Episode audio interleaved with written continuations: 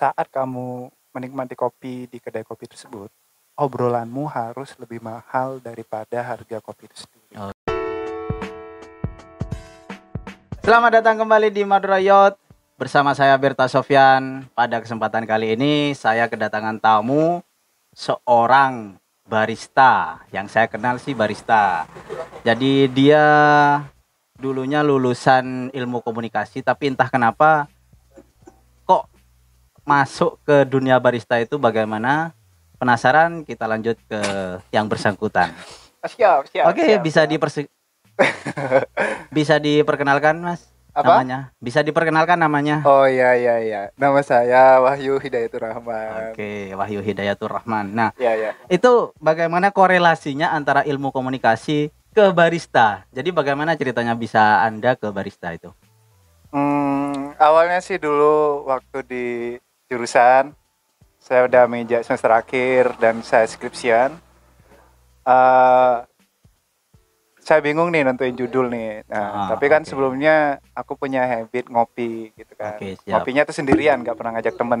Oh, sendirian. Jadi Iya. suka menyendiri ya? Enggak, bukan bukan seperti Oh. itu. Jadi saya ngopi sendirian tuh karena saya punya misi gitu kan. Oh, siap. Misinya adalah ketika saya ngopi sendirian, Hmm. saya harus mendapatkan teman ngopi di Oh, kedai gitu. kopi tersebut. Oke, Nah, oke. karena kepikiran tentang habit saya yang seneng ngopi pada saat itu di tahun 2015-an ya. Hmm. Akhirnya yang pas saya skripsi di tahun 2018 awal gitu kan, Hmm. saya terceletuk buat ngobrol ngobrolin tentang tentang kopi gitu kan. Soalnya Skripsinya. Iya, Oke. skripsi saya. Jadi soalnya saya melihat bahwa pada saat itu animo tentang kopi itu lagi tinggi-tingginya Mm-mm. karena ketrigger sama film filosofi kopi pada saat itu. Oh ya. Meskipun sebenarnya untuk kopi di Indonesia saya lihat nih gairahnya itu mulai mulai di tahun 2014 akhir gitu. Mm-mm. Aku ngobrol 2014 2014 akhir tuh untuk di Skup Bangkalan. Itu Oke. gairahnya udah muncul Iya, siap. gitu. Oke, Hingga lanjut. akhirnya saya memutuskan untuk uh, membuat skripsi tentang kopi Heeh. tapi dari sudut pandang ilmu komunikasi. Jadi judulnya itu uh, analisis uh, analisis komunikasi pemasaran pada sebuah kedai kopi di Bangkalan melalui konsep holistic marketing Nah, gitu kan. Holistic marketing itu seperti apa? Kalau holistic marketing itu uh, simpelnya kayak gini ya, ciri khasnya ya, ciri khasnya gitu kan. Ciri khasnya itu kalau dalam hal marketing itu kita itu identik sama 4P gitu kan. Hmm? Produk, Produk. price, place, and promotion gitu kan. Nah, tapi dalam holistic marketing itu kita gak ngobrolin produk, price, place, promotion. Hmm. Sama 4P juga, tapi diganti. Diganti Jadi people, process, program, and performance. Nah, Oh, di program ini ini include 4P yang dulu itu. Product, price, place, promotion itu ada di apa? program ini. Oh, Oke, Jadi siap. simpelnya aku ngurusin empat ini dalam Oke. uh, sebuah strategi pemasaran di kedai kopi, salah satu kedai kopi di sini. gitu. Oke. Nah, eh, pada waktu ngerjakan skripsi dengan tema kopi itu Hmm? Anda eh sepindah-pindah tempat kopi atau atau hanya pure satu di situ aja? Uh, fokus skripsi saya ya di kedai kopi tersebut. Katakanlah kedai kopi A kayak gitu oh kan. ya, ya. Tapi sebelum-sebelumnya kan dari 2014-an itu Hmm. saya sudah ngopi di tem- banyak tempat ngopi gitu kan. Jadi secara tidak langsung eh, saya tuh udah punya bekal nih. Oh kondisi di kedai kopi in- si ini itu eh, pemasarannya seperti ini atau katalah eh, katakanlah habit teman teman-teman ngopi di sana tuh seperti ini kayak gitu. Jadi saya tidak perlu kayak gitu, tidak perlu pindah-pindah kedai kopi buat ngurusin tentang skripsi saya. Toh skripsi saya itu cuma fokus di kedai kopi tersebut. Oh gitu. Nah, Jadi eh biar lebih dekat juga sama apa barista-barista di sana ya Mas ya? ya, jadi eh, ngobrolin tentang kenapa kok akhirnya saya bisa jadi barista. Ya Ah. awalnya dulu itu saya sebenarnya di jurusan saya itu pernah nge-freelance, sorry, waktu kuliah gitu kan. Pernah Oh, sambil kerja juga. Jadi Iya. kuliah sambil kerja jadi saya nge-freelance sebagai videographer. Dan- di coffee shop itu. Enggak. Jadi waktu saya proses kuliah, saya Ah. tuh ser- eh, senang gitu bikin video kayak gitu kan. Di Oke. tahun 2016 kayak gitu kan. Terus saya di tahun 2014 itu pernah membuat suatu movement di Instagram pada saat itu. Hmm. Pada saat itu Instagram usernya masih belum gitu banyak Mm-mm. seperti sekarang kayak Iya. gitu kan. Saya membuat movement namanya Explore Bangkalan. Nah, ini baru saya bu- buka publik ya. Jadi buat teman-teman yang tahu akun Instagram Explore Bangkalan di tahun 2014 sampai 2016 sebenarnya itu saya adalah foundernya dan ada beberapa teman saya juga ikut serta untuk uh, membuat Explore Bangkalan itu. Nah, Oke.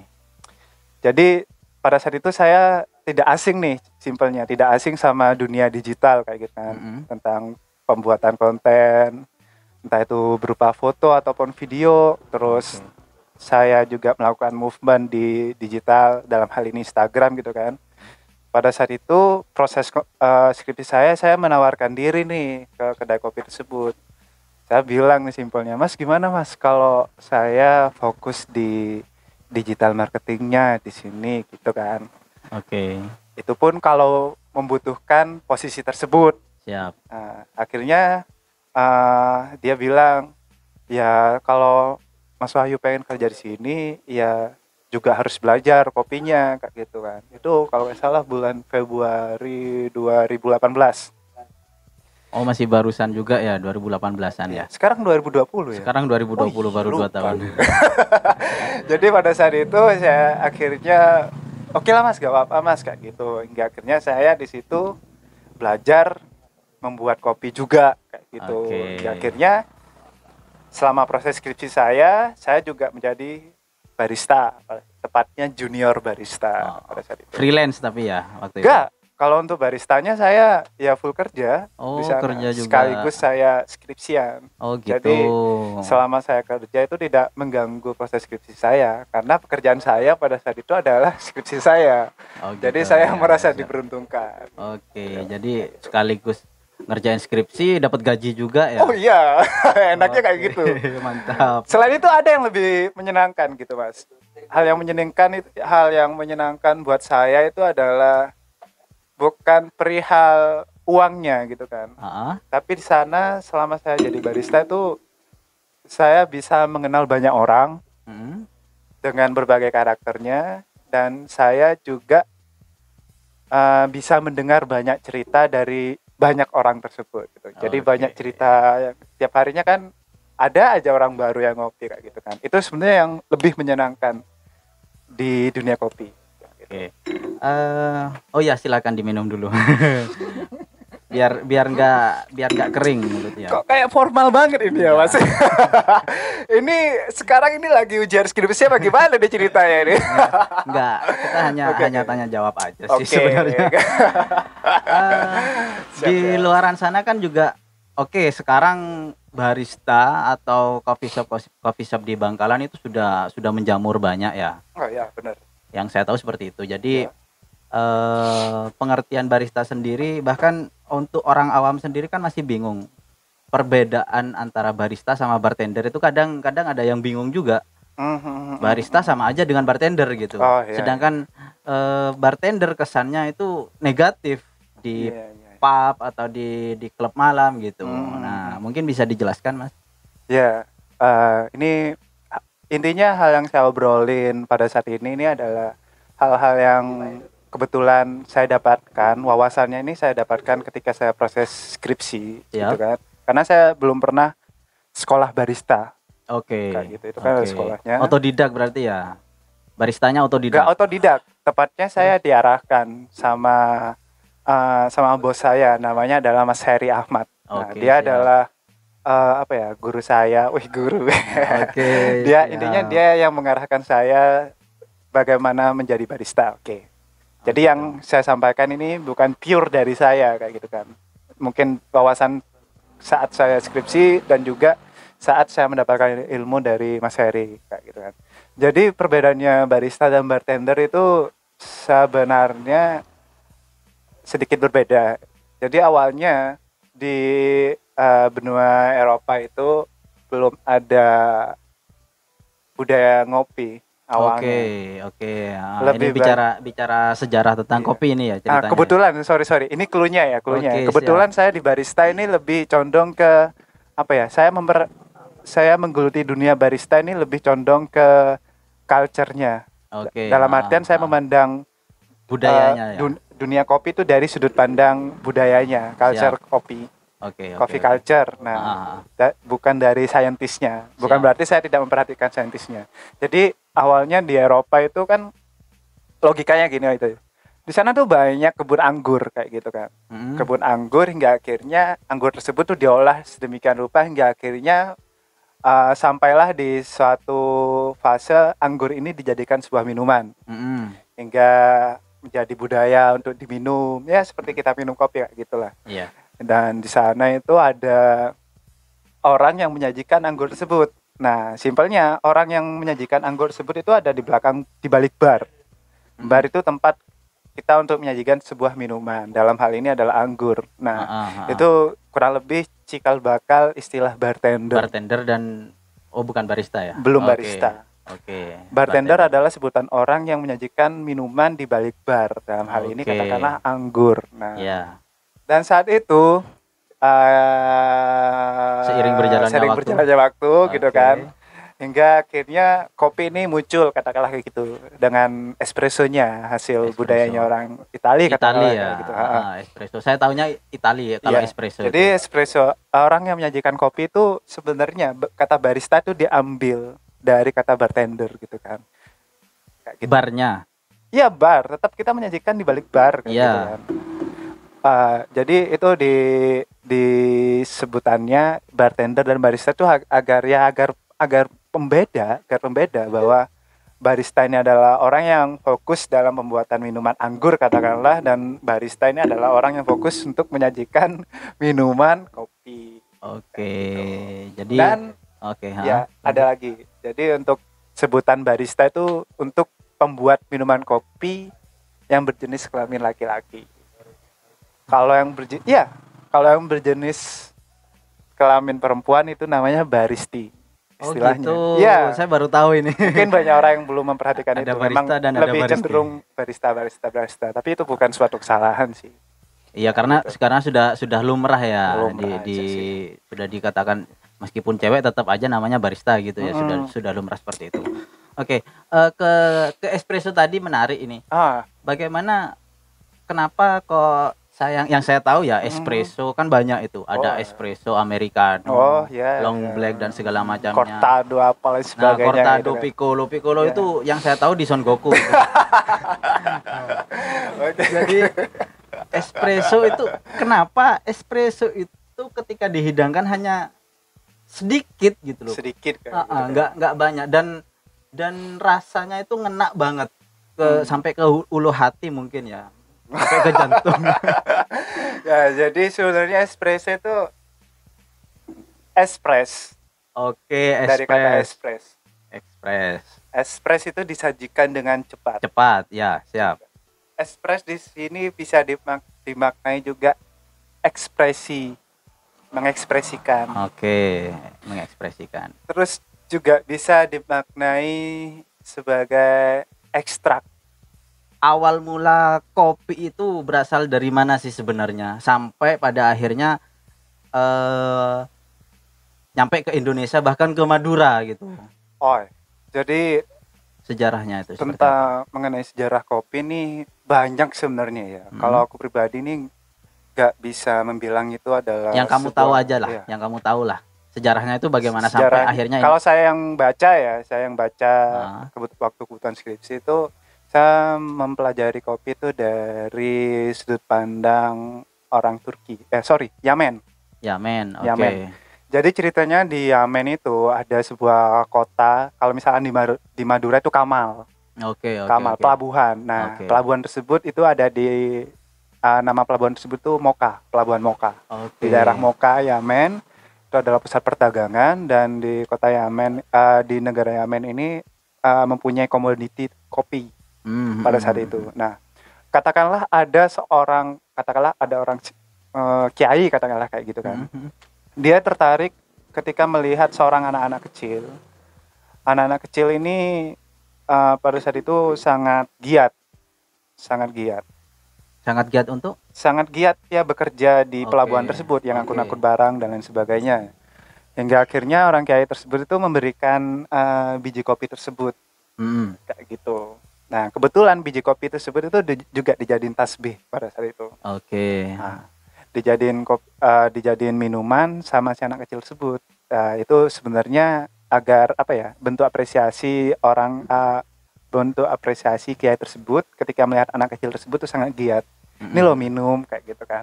Nanti Oke. kamu biar lebih semangat kayak gitu. Nah, setelah itu ada versi yang lain. Ver- Kalau yang versi yang lain ini eh, biji kopi ini dimanfaatkan oleh orang sufi. Oke, dari Uh, Turki. Bukan. entah Sufi. orang sufi mana lah. Oke. Ini aku bilang ini nggak ada yang eksak bener lah, karena Oke, oke. hanya sebatas, sebatas cerita. Jadi ini yang mendasari saya gitu kan. Orang sufi tersebut eh, saking dari eh, mencintai kopi ini, Hmm. dari karangan-karangannya dia membuat suatu karangan khusus tentang menggambarkan kopi itu. Ah, pada saat itu kopi itu eh, istilahnya tuh kalau nggak salah itu elixir. Elixir, elixir tuh semacam eh, cairan, cairan yang magic banget gitu. Hmm. Eh, orang sufi ini eh, fanatis banget sama kopi tersebut karena ketika dia mengolah kopi tersebut menjadi sebuah minuman, dia tuh sangat berenergi Oke. berenergi hingga dia tuh bisa bisa larut untuk mencari ilmu karena dia itu apa istilahnya eh, melek kayak gitu Oke. ha, Soalnya- soalnya mereka tuh giat sekali mencari ilmu hingga akhirnya dia eh, membuat suatu karangan yang menggambarkan tentang kopi mungkin nanti eh, masnya bisa ngecek di Google pakai kata kunci kata kunci apa elixir burn kayak gitu Oke. oke. Elixir Burn itu juga salah satu kedai kopi di Timur Tengah dan kebetulan bos saya itu pernah kerja di sana. Oke. Makanya pada saat itu pada saat pada saat saya baca loh, Elixir ini kok Elixir ini kok gak asing ya? Oh Hmm. ternyata mungkin kedai kopi ini dinamai Elixir Elixir Burn ini diambil untuk jadikan sebuah brand. Ini terinspirasi dari cerita tersebut kayak gitu. Orang sufi. Eh, hingga nyampe ke Indonesia itu bagaimana? Kalau hingga nyampe ke Indonesia itu karena ada perdagangan internasional pada saat Mhm. itu perdagangan internasional ada pedagang Arab ada pedagang VOC pada Siap. saat itu juga kan mulai dari Aceh itu kan di Selat Malaka itu kan arus perdagangan internasionalnya ada di situ Ah. nah kebetulan kebetulan nih eh, orang orang-orang kolonial itu Mhm. melihat eh, tanah yang ada di Indonesia ini Bagus. sangat cocok Oke. kebetulan sangat cocok untuk ditanami Kopi. oleh pohon kopi. Oke. Hingga akhirnya mereka ngedevelop eh, beberapa wilayah untuk dijadikan kebun kopi. Nah, salah satu kebun kopi yang tertua di Indonesia itu ada di Banyuwangi kalau salah. Oh di Banyuwangi, Ya. bukan di Acehnya sendiri. Padahal kan awal. Ada cerita lagi nanti yang di Aceh itu. Jadi di Banyuwangi itu ada nama kopinya kalau nggak salah Java Tipika. Java Tipika. Ya, Java Oke. Tipika itu adalah salah satu kopi tertua di Indonesia. Nah, pada tahun sekian katakanlah itu di Indonesia sempat ada wabah. Ah, bukan wabah Bukan, bukan COVID-19 wabah COVID ya, Oke. bukan wabah COVID-19 ya. Kita sudah jaga jarak ini ya. Oh ya, sudah, sudah. Jadi ada wabah pada saat itu di mana wabah ini namanya kalau nggak salah, sorry, daun karat kalau nggak salah ya. Kalau nggak salah itu namanya daun karat. Kalau nggak salah benar berarti. jadi daun wabah daun karat ini nih eh, kebetulan menyerang tumbuhan pohon kopi, menyerang Hmm. tumbuhan pohon kopi, menyerang pohon kopi eh, hingga akhirnya beberapa kebun kopi yang ada di Pulau Jawa itu rusak Oke. karena wabah ini, Ah. kayak gitu kan. Dan kebetulan, kebetulan yang pohon kopi yang rusak ini kebetulan yang kalau nggak salah itu di kategori kopi arabica yang di ketinggian di atas 1200. Oke. Itu rusak. Arabica, Arabica. Nah, tapi kolonial itu heran sama satu jenis kopi yang dia tuh masih bisa bertahan Hmm. dan dan tepatnya berada di ketinggian 800 meter. Hmm. Nah, 800 meter ini cikal bakal ada istilah kopi robusta. Robusta. Nah. Ya, yang saya tahu ada arabica, ada robusta Ya. gitu. Jadi eh, kenapa kok bisa namanya robusta? Itu sebenarnya dari kata robus. Robus itu kalau diartikan tuh survive. Dia tuh bisa bertahan Bertahan di ketinggian 800 itu meter ya. dan dia tuh dan dia tuh bisa bertahan dari wabah tersebut. Oke. Nah, Pada saat itu kan eh, kopi arabica ini menjadi komoditi terbesar di Ah. Indonesia, salah satu komoditi terbesar yang diekspor ke negara-negara Eropa. Jadi di Oke. Eropa itu sangat terkenal nih kopi Indonesia. Oke. Itu saking dia terkenalnya, kopi istilah kopi itu bukan kopi. Terus? Jadi distilahkan sebagai Java. Oh, Java. Java Karena- is coffee. Oke, oke. Jadi oke, misalkan, oke. ayo Mas ngopi Mas. Nah, aku bilangnya kalau aku orang Eropa nih, Mas, ayo Java gitu. Ayo minum Java gitu. Oh, Java itu gitu. artinya kopi. Ah. Saking dari diminatinya kopi dari Indonesia ini. Tapi dengan wabah tersebut, eh, kolonial ini mencoba tetap mengekspor kopi robusta tersebut ke Eropa. Mm-mm. Nyatanya nggak laku gitu di Eropa, simpelnya. Hmm. Karena itu eh, kolonial ini mencoba untuk ngedevelop kebun yang lain dan dia ngeriset mencari Tanah. eh, tanah yang lain yang kiranya sama seperti di Banyuwangi atau sangat cocok untuk ditumbuhi eh, pohon, Pohon kopi. kopi. Hingga akhirnya dia Oke. menemukan sebuah pegunungan, di sebuah Ijen. pegunungan enggak, sebuah pegunungan di Sumatera, Oh, di tepatnya di Sumatera. Aceh. Nah, ini adalah cikal bakal eh, Aceh Gayo. kopi Aceh Gayo. Nah, Itu jadi sebenarnya gini itu. Mas, Ah, ah.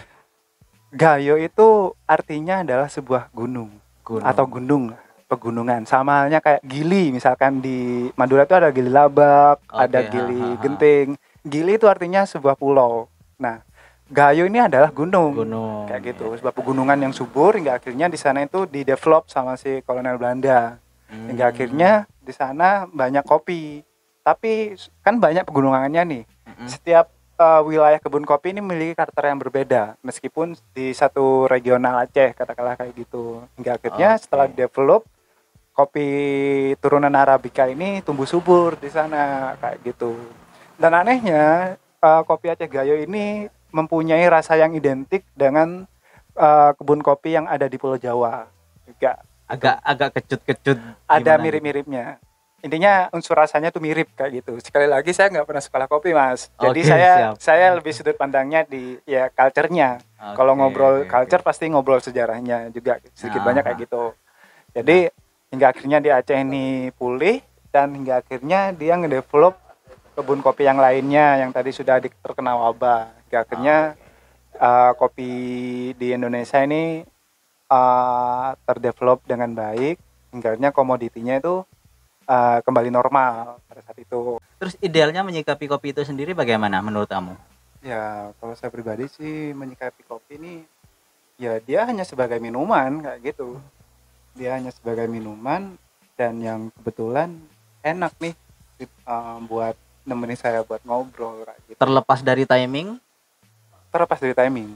Oke. Tapi saya karena saya kebetulan nih gitu kan punya wawasannya espresso itu apa kata cortado itu apa dan sebagainya ya saya menikmatinya itu sesuai dengan kebutuhan saya. Kayak gitu. Oke. jadi misalkan terlepas saya mantan barista. Oh sudah X ya udah ex sebenarnya sih. Oke.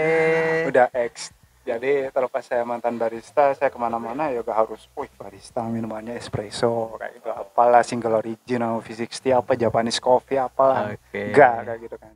Jadi terlepas saya mantan barista ya saya nggak menyikapi kopi wah saya pagi-pagi minum espresso ini itu dan sebagainya kayak gitu. Enggak kayak gitu kan toh saya ngopi itu juga sesuai kebutuhan juga. Kapan saya harus pergi ke kedai kopi dan kapan saya harus kerja dan kapan saya harus di rumah kayak gitu.